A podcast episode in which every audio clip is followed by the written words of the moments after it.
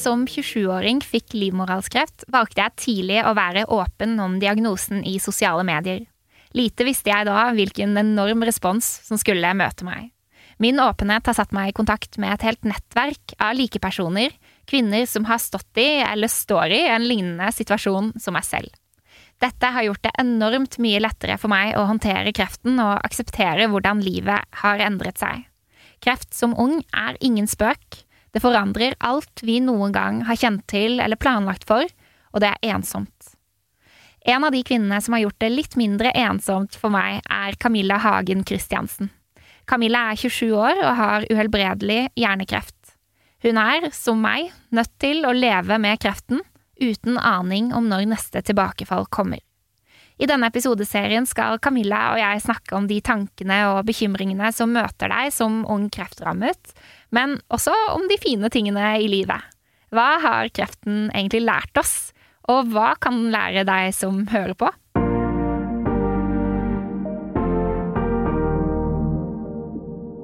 Da er vi i gang med denne litt annerledes episoden av Driv, og her sitter jeg med ei som jeg har fått gleden av å bli kjent med gjennom Instagram. Camilla, velkommen til podden min.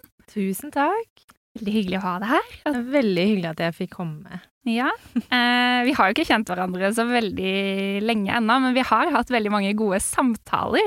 ja, det har vi absolutt. Med veldig variert innhold. ja, og det at vi nå kanskje kan dele noen av de tankene og samtalene, da. Eh, bekymringene og alt det vi har snakka om litt allerede med enda flere, det føles for meg i hvert fall veldig fint. Mm, enig. Og litt stort. ja, det er litt stort. Eh, og så skal vi jo selvfølgelig snakke om ung kreft, da. Eh, det er jo derfor vi sitter her. Eh, men først så vil jeg jo veldig gjerne at lytterne skal bli litt bedre kjent med deg. Så ja. kan ikke du starte litt med å fortelle om deg selv? Ja, eh, jeg har rukket å blitt 27 år nå.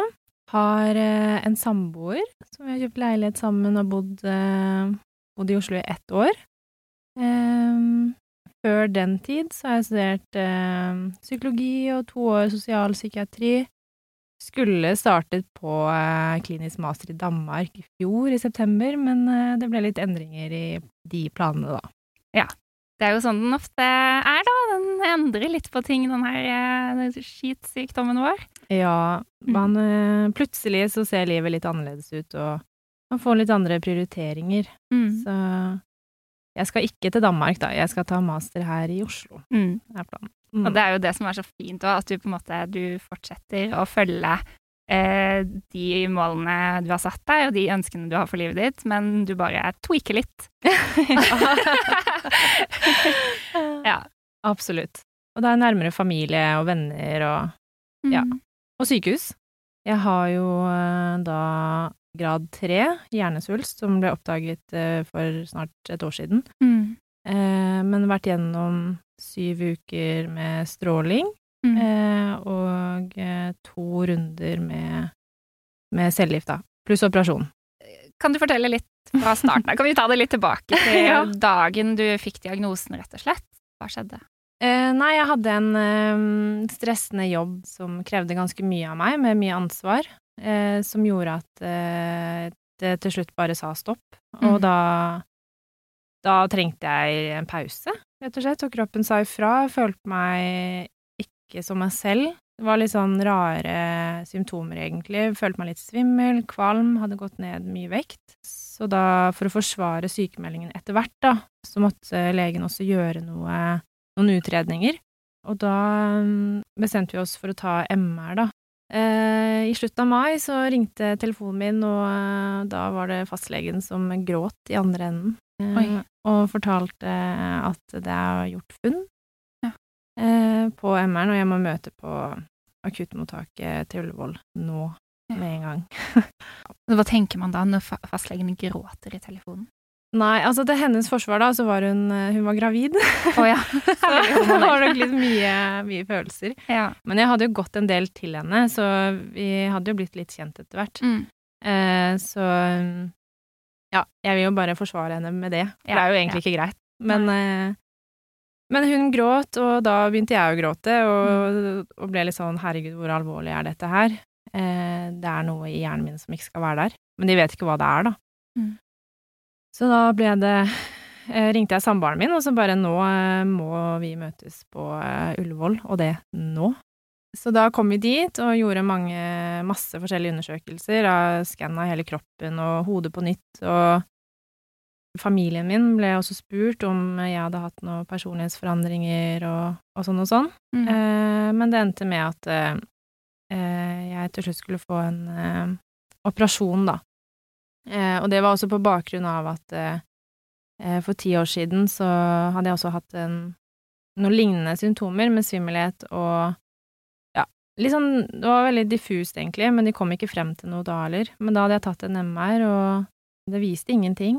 Men nå kunne de sammenligne den MR-en for ti år siden med i dag, og da fordi de vet det de vet nå, da, Mm. så kunne de gå inn og fingranske den og se, og ja, da fant de noe allerede da. Mm.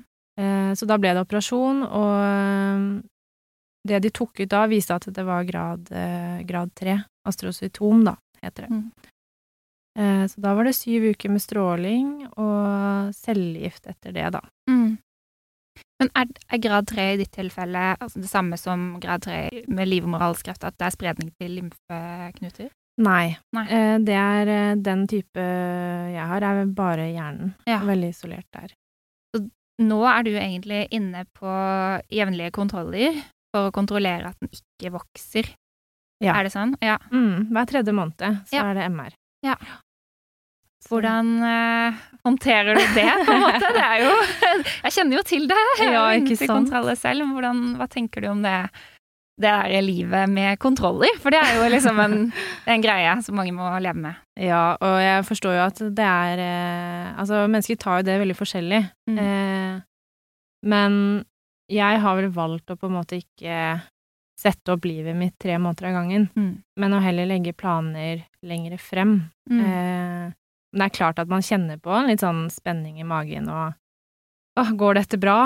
Eh, men eh, jeg er jo veldig trygg på at hvis den skulle komme tilbake, at det, det også skulle gått bra, da. Mm. Så jeg er ikke så veldig nervøs, uh, egentlig. Nei, for hva sier de om sjansene for at den kommer tilbake?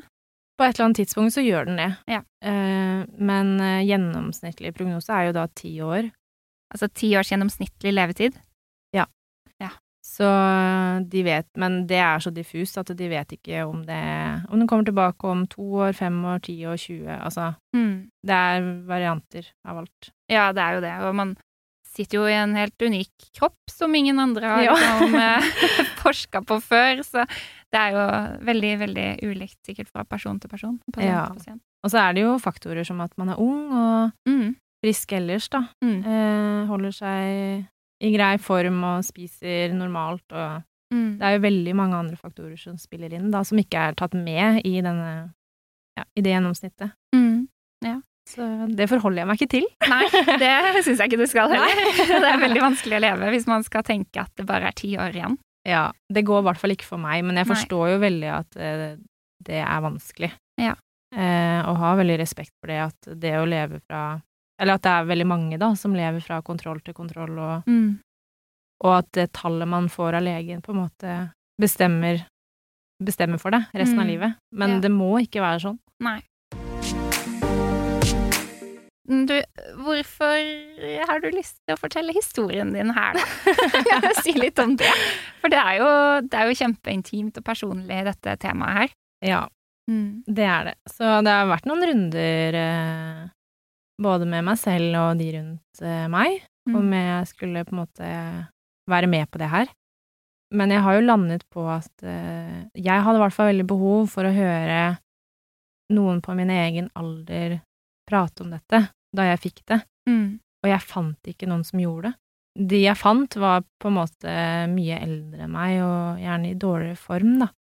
Eh, så det er egentlig hovedgrunnen, men det er klart at det er, det er mange sider ved det. Og Mm. det å Jeg kommer fra en liten by, eh, og jeg vet at det er utrolig mange nysgjerrige sjeler eh, der. Mm. så det har vært litt sånn åh, skal jeg gjøre det? Men eh, ja, det driter jeg i. ja, det syns jeg du skal. Altså, folk Ja. får snakke, liksom. ja. Eh, og jeg tenker at man eier det litt også, ved å snakke sjøl. Ja, altså det er jo min historie, Ja. og når man også er fra en liten by, så er det veldig mange som prater. Mm. Og veldig mye av det folk prater om, stemmer kanskje ikke. Mm. Eh, det er jo litt deilig å på en måte kunne fortelle min eh, historie, og at det kommer fra meg, da. Mm. At ikke det er via via. Mm. Mange ledd. Ja. Og det er ikke alle som skal være åpne om dette her, men det er veldig viktig at noen er det. Mm. Eh, Jeg tror det at vi sitter og snakker om dette her nå, og de temaene vi skal ta opp etter hvert, eh, kan gjøre det enklere for andre som kanskje ikke er så åpne av natur, å ta det opp med i hvert fall én, da. Jeg håper jo det. Mm. Eh, For jeg er jo egentlig ikke en sånn som liker å dele alt dette her sånn offentlig. Det er, det er jo litt uvant, og jeg er jo litt nervøs. Ja. Jeg syns du klarer deg veldig greit. Åh, ja, det er bra. Så, Men jeg syns også det er litt fint. Jeg representerer jo absolutt ikke alle. Det gjør jo ikke du heller, men sammen Absolutt så kan ikke. vi i hvert fall kanskje bety noe for enda litt flere. Ja, jeg håper i hvert fall at eh, min historie når ut til i hvert fall én som får det samme. Ja. Og at det kan være litt til hjelp at det er andre, eller å vite at andre på samme alder også har det. Mm. For jeg fant ingen. Nei. Så jeg har funnet det nå, da. Ja. Men ikke i starten, da jeg trengte det. Nei, det er det. Og vi har jo funnet hverandre. Det har vi. Ja, Det er en veldig veldig positiv ting som har kommet ut av kreften. Og det husker jeg første gang vi møttes og Var sånn oh, Vet du hva, nå har jeg fått meg en venninne som jeg egentlig ikke skulle ønske at jeg hadde møtt.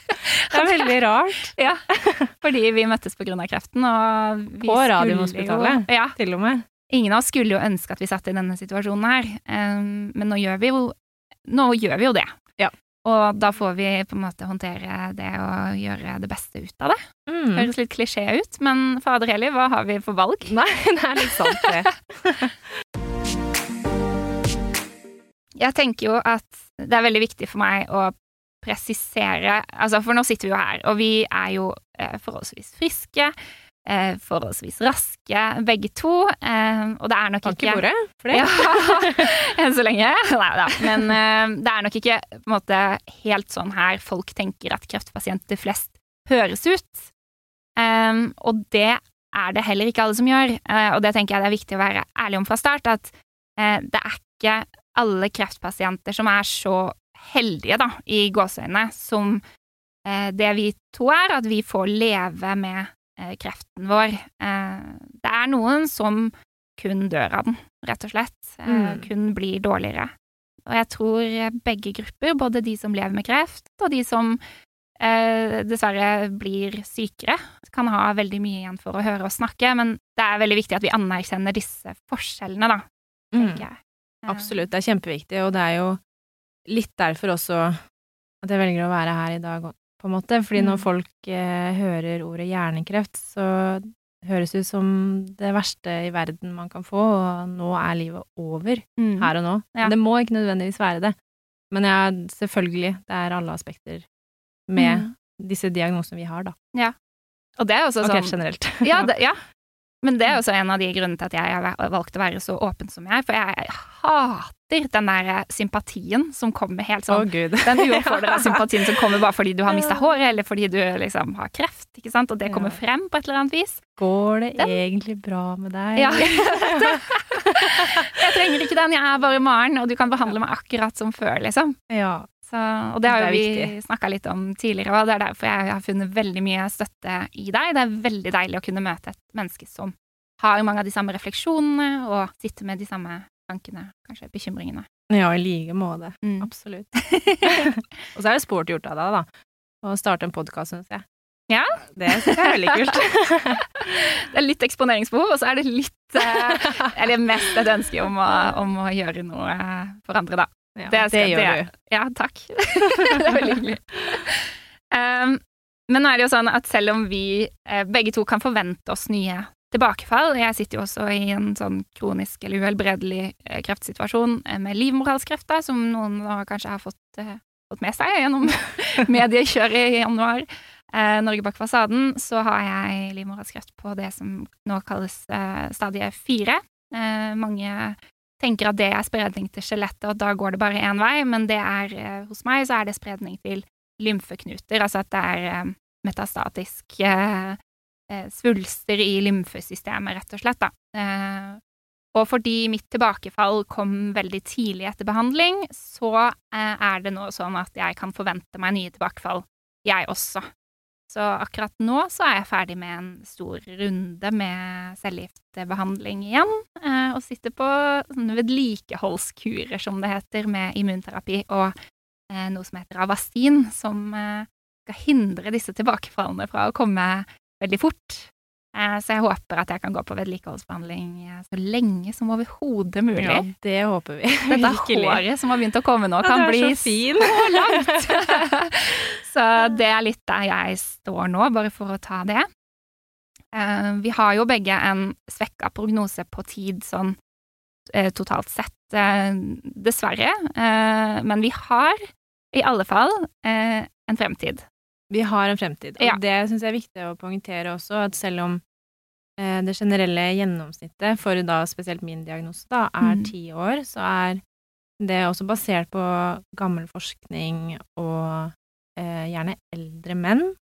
Eh, og hva min eh, individuelle prognose er, det kommer ikke jeg til å, å, å prate om her i dag, Nei. men eh, på gjennomsnitt eh, Gjennomsnittet er ti år, da. Ja. Men det gjelder ikke nødvendigvis meg. Nei. Og det Ja. tenker jeg er veldig fint at du nevner òg, fordi ja, som du sier, at dette her er basert på eh, eldre menn ofte som får diagnosen, og du er ung og frisk, og det er en helt annen situasjon. Og det er ikke en hemmelighet at det offentlige helsevesenet svartmaler eh, litt innimellom. Eh, det må de kanskje i noen tilfeller gjøre for å sikre seg, Ja. men det er også synd at det er sånn. det er så enorme store forskjeller med hvor mange bivirkninger man har fått, eh, og hvor mye restsvulst det er igjen etter operasjon, ikke sant. Mm. Det er veldig mye som spiller inn, da. Mm. Men det er jo ikke tatt med i det gjennomsnittet. Nei, ikke sant. Så det ser man ikke. Nei. og det tenker jeg at vi også kan være et, eh, sikkert et fint bilde på. At eh, Ja. det liksom, ja Det trenger ikke alltid å være så mørkt, da, eh, dette her. Eh, det er det på mange ting. Vi skal snakke om de tunge tinga òg. Men eh, jeg tenker at vi eh, i- i bunn og grunn er veldig optimistiske begge to. Vi er ute etter å leve et så normalt og fint liv Ja. som overhodet mulig, til tross for veldig, veldig mange utfordringer og bekymringer. Opp. Det er jo det vi kan gjøre. Vi kan jo Ja. velge å ha det bra. Mm. Eh, vi kan liksom ikke kontrollere om kreften kommer tilbake eller ikke. Nei. Men vi kan jo velge å ha det bra her og nå. Vi kan det. Ja. Og jeg kjenner jo det der at eh, jeg er jo veldig optimistisk i bunn. Eh, jeg er en positiv sørlending. jeg vet ikke om det er eh, geografisk eh, det der, eller om det er eh, med familien min som har spilt litt inn, eh, eller om jeg bare er sånn, rett og slett. Men jeg kjenner også at jeg har noen fysiske ting, og det gjør det vanskeligere å håndtere frykten for tilbakefall, da.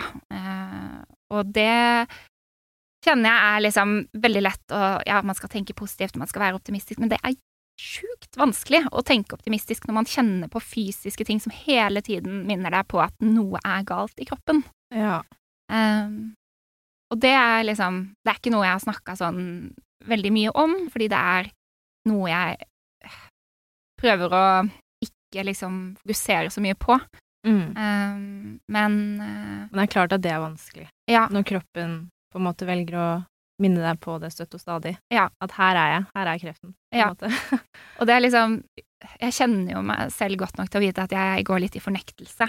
Mm. Så uh, jeg kan ha en tendens til å legge ekstremt mye planer når jeg kjenner på sånne perioder hvor det er litt mer Det er stramt i halsen fordi det er litt hevelser kanskje i lymfesystemet. Og så burde jeg jo egentlig hvile. Ja.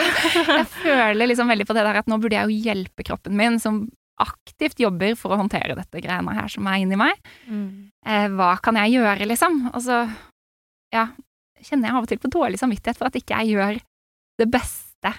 Men hva er det beste? På en måte, Er det å gjøre ting som gjør deg glad hver Mm. dag, eller er det å ligge på sofaen og se på TV og Ja, spise godteri, på en måte? ja det er sånn- akkurat det. Eh, jeg vet ikke, jeg. Hva Ja, som er viktigst, eller eh, Jeg tror på en måte ikke at det tilbakefallet står og henger på at jeg tar den hviledagen heller. Nei, det er det. ah, det er, men det er kjempevanskelig, Ja. det du snakker om nå. Og, det, og den dårlige samvittigheten eh, i forhold til kosthold spesielt, har jeg merket i hvert fall. Mm. Eh, skal man holde seg helt unna sukker? Mm. Eh, skal man gå på lavkarbo? Mm. Men det er såpass lite forskning, i hvert fall, på det området for min del, da, Mm. eh, at jeg har valgt å Det skal jeg ikke. Jeg skal ha et normalt og sunt kosthold, som jeg alltid har hatt, på en måte, og så og spise god mat, og drikke vin til maten Mm. hvis jeg har lyst på det. Ja. Men det er så viktig. Ja, det er det. Og det Ja. gir jo meg noe også. Ja. Eh, og i de altså middagene som vi blir invitert på, så å takke nei til alkohol og sånn ja, hvorfor Mm. ikke det, på en måte. Og så må jeg Mm. forklare det. Mm. Det syns jeg er mye tyngre enn å bare ja, drit i det. Nei, ja, ikke sant? Men det er jo farlig å si dette her høyt òg, da, fordi det er jo veldig mange Det er jo ingen riktig måte å angripe dette på. Nei.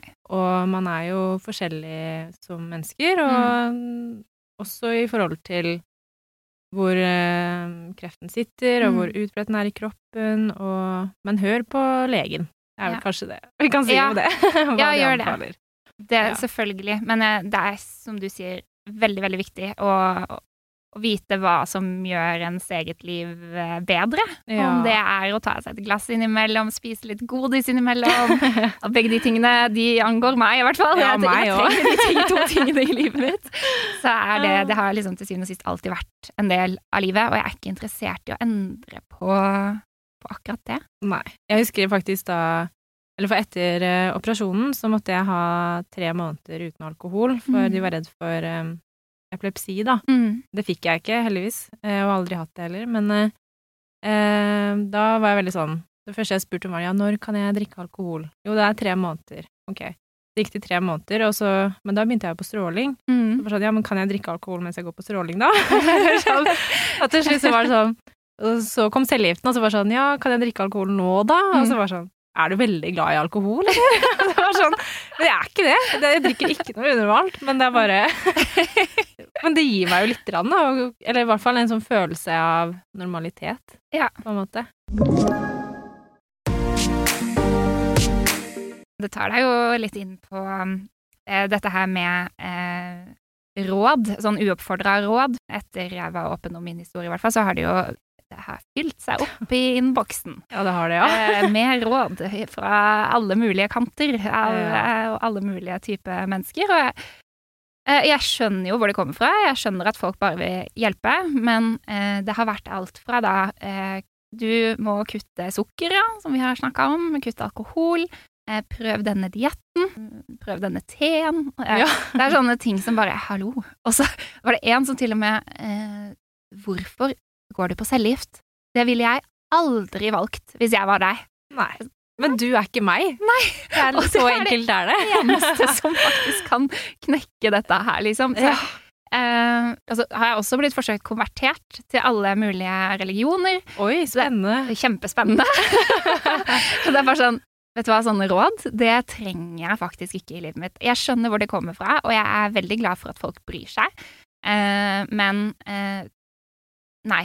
Nei, men det er jo lov til å si ifra også, da. Det er det. At man ikke ønsker alle menneskers forskjellige råd. Ja. Man, og spesielt sånn hvis familie på en måte eh, kommer med en masse greier. De, alt de ønsker, er jo bare å hjelpe, Mm. men de forstår kanskje ikke at du eller jeg på en måte ikke ønsker den inputen, da. Mm. At man bare trenger en mamma, og bare mamma, eller Mm. bare en pappa, eller Mm. bare en kjæreste. Ikke den skal prøve å løse problemet. Eller sånn, for det har vi jo så mange andre til Mm. leger og sykehus og Altså, det er jo Ja. Jeg trenger i hvert fall ikke det. Nei. Jeg vil ha familien min som den er, og vennene mine for det de er, og ikke, Mm. ikke noe annet. Men jeg skjønner jo absolutt at det bunner bare i at man vil bidra og hjelpe til og, Mm.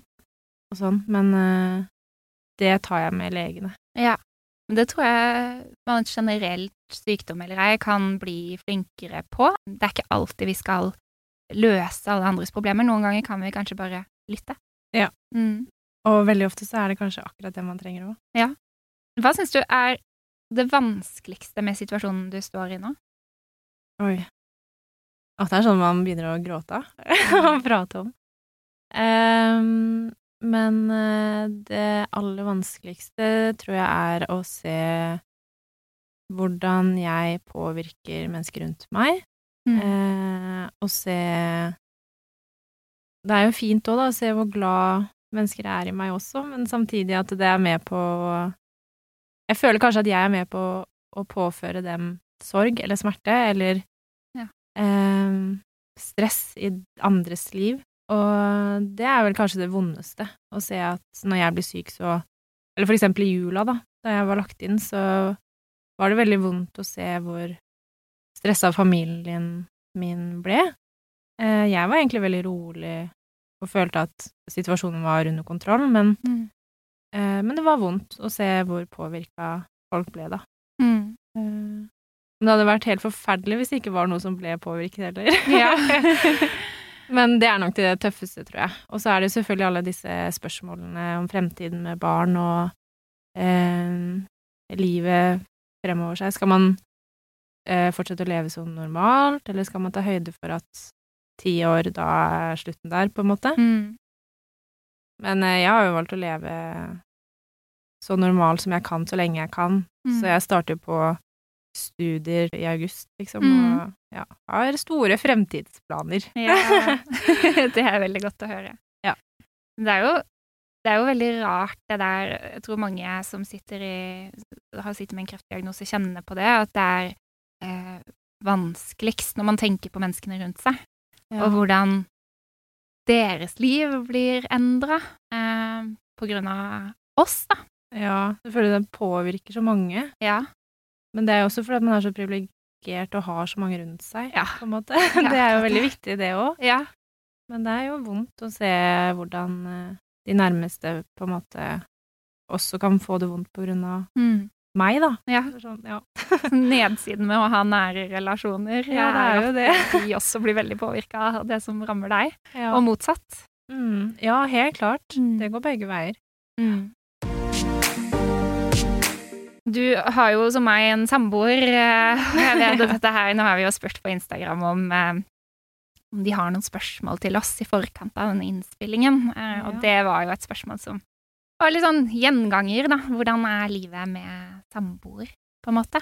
Hva, hva er planene fremover, og hvordan har det påvirka forholdet?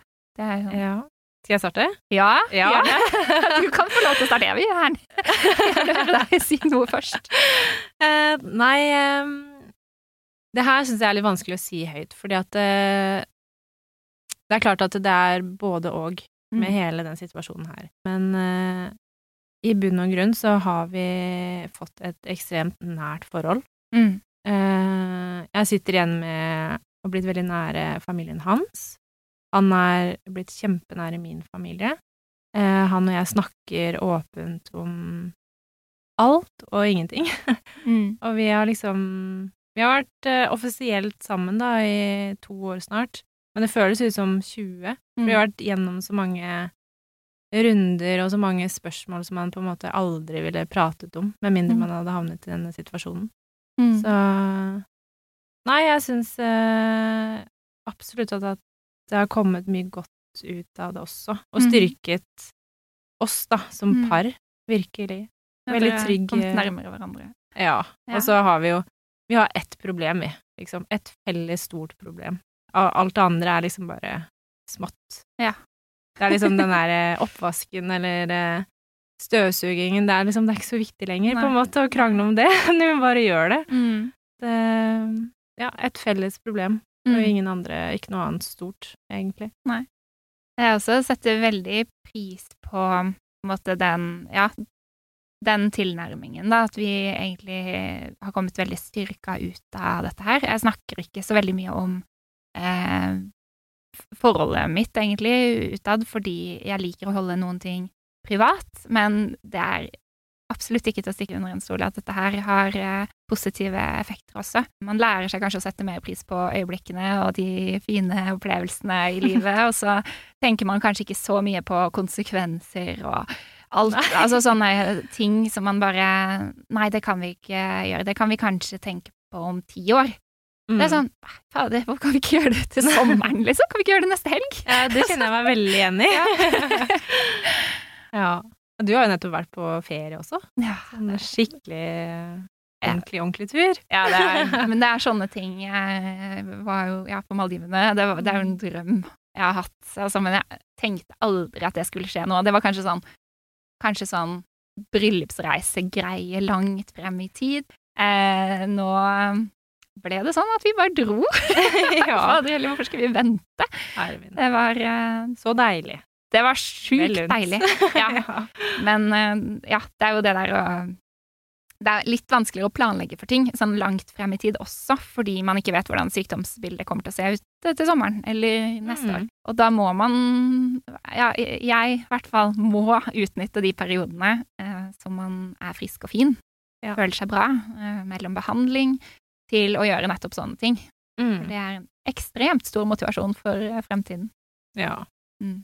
Så bra. Men jeg må bare poengtere en ting, at eh, eller sånn, nå høres det ut som at eh, det, er, det er bare positive sider, holdt jeg på å si, med, med et forhold og med familie og når man får en sånn beskjed, men det er jo veldig klart, eller det har vært det for oss, da, at vi, vi har vært gjennom ekstremt mange runder, Mm. eh, som gjør at vi har det så bra der vi er i dag. Mm. Eh, det er jo en vei dit. Eh, og plutselig så satt man liksom og gråt med familien til samboeren, og han med min, og det var liksom Man bryter en del barrierer, da, når Ja. noe sånt skjer. Ja. Eh, og det har jo også gjort at den prosessen med å bli komfortabel og eh, ja, bli kjent, da, Mm. den har jo gått så ekstremt mye raskere. Mm. Eh, fordi barrierene ble jo brutt med en gang. Ja, for dere hadde ikke vært sammen så lenge. Nei, vi hadde jo ikke det. Stakkar. ja, nei, vi hadde jo Vi har jo kjent hverandre i snart tre år, da. Mm. Men vi brukte et år på å bli sammen. Mm. Eh, og så har vi vært sammen i snart to. Ja.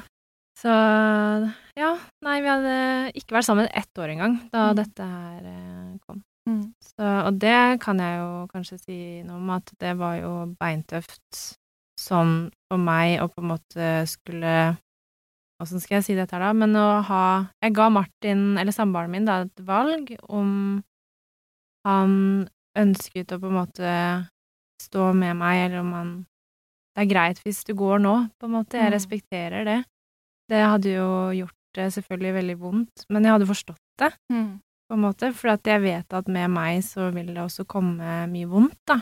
Mm. Eh, og jeg ønsker jo ikke å påføre noen det uten at de på en måte er helt innforstått med hva de går til. Mm. Så det var jo en sånn runde vi, vi tok, da. Så, og så tror jeg det er viktig også at, eh, at han fikk snakke med noen andre enn meg Mm. om situasjonen. Familie eller venner eller ja, det man har behov for. Eh, men eh, kom frem til at vi skal fortsette å være sammen, og det er vi i dag. Ja. ja, veldig glad for det, da. Ja, og det, jeg syns det er veldig fint at du snakker om det. Eh, for vi, vi hadde det også Vi har også hatt flere av de rundene, egentlig. Man må liksom Jeg tror det er viktig å ta en fot i bakken på hva status er, og hvordan det ser ut, og Plutselig får man en endring i hva man ønsker seg for eh, Mm. livet videre også, eh, når man ser hvordan ting er, hvordan man vil at livet skal være. Ja, Eh, absolutt. så det er viktig å, å snakke om ting. Um, og så er det også, tror jeg, viktig å huske på hvorfor man ble sammen, og de egenskapene som gjorde at eh, partneren ble tiltråkka Ja. i første omgang. Fordi jeg har også vært sånn herre Ok, for meg så har det vært viktig at i all, alt det som er endra, da, så er det også viktig å på en måte være trygg i det at jeg fortsatt har kjempemye bra å tilby. Ja. Og, at jeg, og det er jeg veldig flink til å formidle videre til han. Så det tror jeg folk kan eh, bli flinkere på generelt. Huske på alt det fine man har å tilby, og alt det ja, fantastiske man kan eh, fortsatt kan oppleve sammen. Ja, men det er jo også vanskelig da, når man på en måte sitter her og mister litt hår, og så er man kanskje forstoppa, og så ligger man over doen og kaster opp, og så bare sånn Husker du hvordan jeg egentlig var? Tenk på hun nå! Du må sende masse bilder av deg før du mista håret. Og, Å, gud, ja. Ja. Husker du at jeg så sånn her ut? Det kan bli sånn igjen, jeg lover. Ja. Men eh, ja. Apropos hår, du har jo Du mister litt hår av cellegiften, men du har ikke mista alt. Ja. Men jeg mistet eh, alt på den ene siden under strålingen. Ja. Eh, men jeg klarte av en eller annen grunn å beholde en sånn liten stripe med hår på toppen, som gjør at jeg liksom Ja. kunne legge det over. eh, men eh, nei da, så nå etter runde to med cellegiften så mistet jeg nok eh, tre fjerdedeler av håret, tror jeg. Mm. Eh, og fortsatt så mister jeg en del. Men de sier at det er ettervirkninger enda, da. Men hva tenker du om, om det, da? Sånn at du kan bli hårløs? Vet du hva, det tenker jeg Jeg bruker veldig lite energi på det. Mm. Eh, for det finnes så mange fine løsninger, og så går det bra. Det er hår. Mm. Eh, men nå må jeg bare si at jeg snakker for meg selv, da, og at jeg skjønner at folk har veldig forskjellig oppfatning av det. Mm. Men for meg så er det bare hår.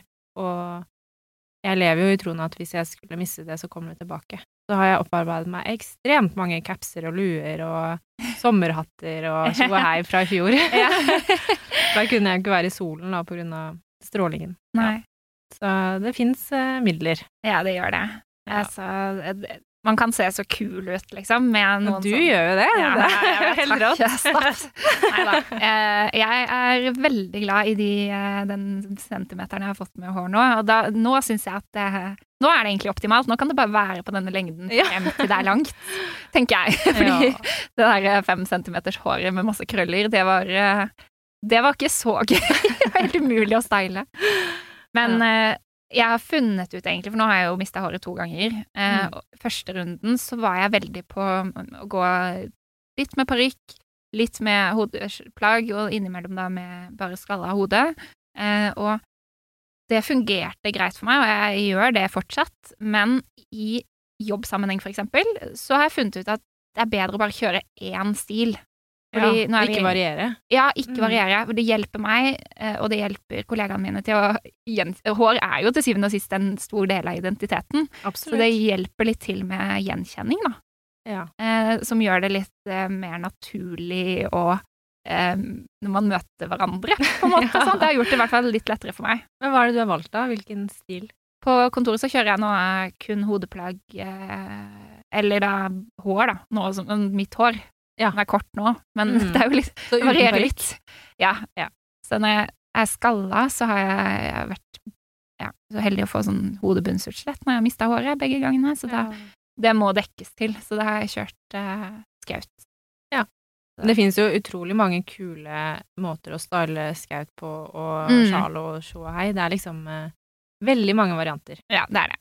Eh, vi skal runde av denne sessionen her, men vi kommer tilbake. Vi har jo så mye å snakke om. Ja, vi har det. Og jeg tenker at det er flere temaer her som folk eh, kommer til å ha veldig glede av å høre om.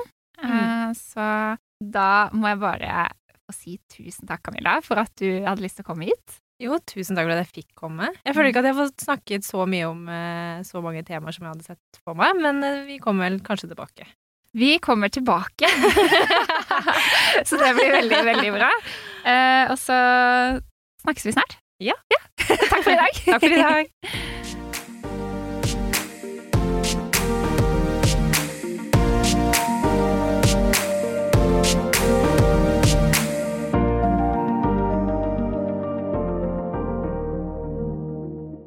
Hvis du likte dagens episode, så må du gjerne trykke følg på Driv podkast der du lytter til podkast.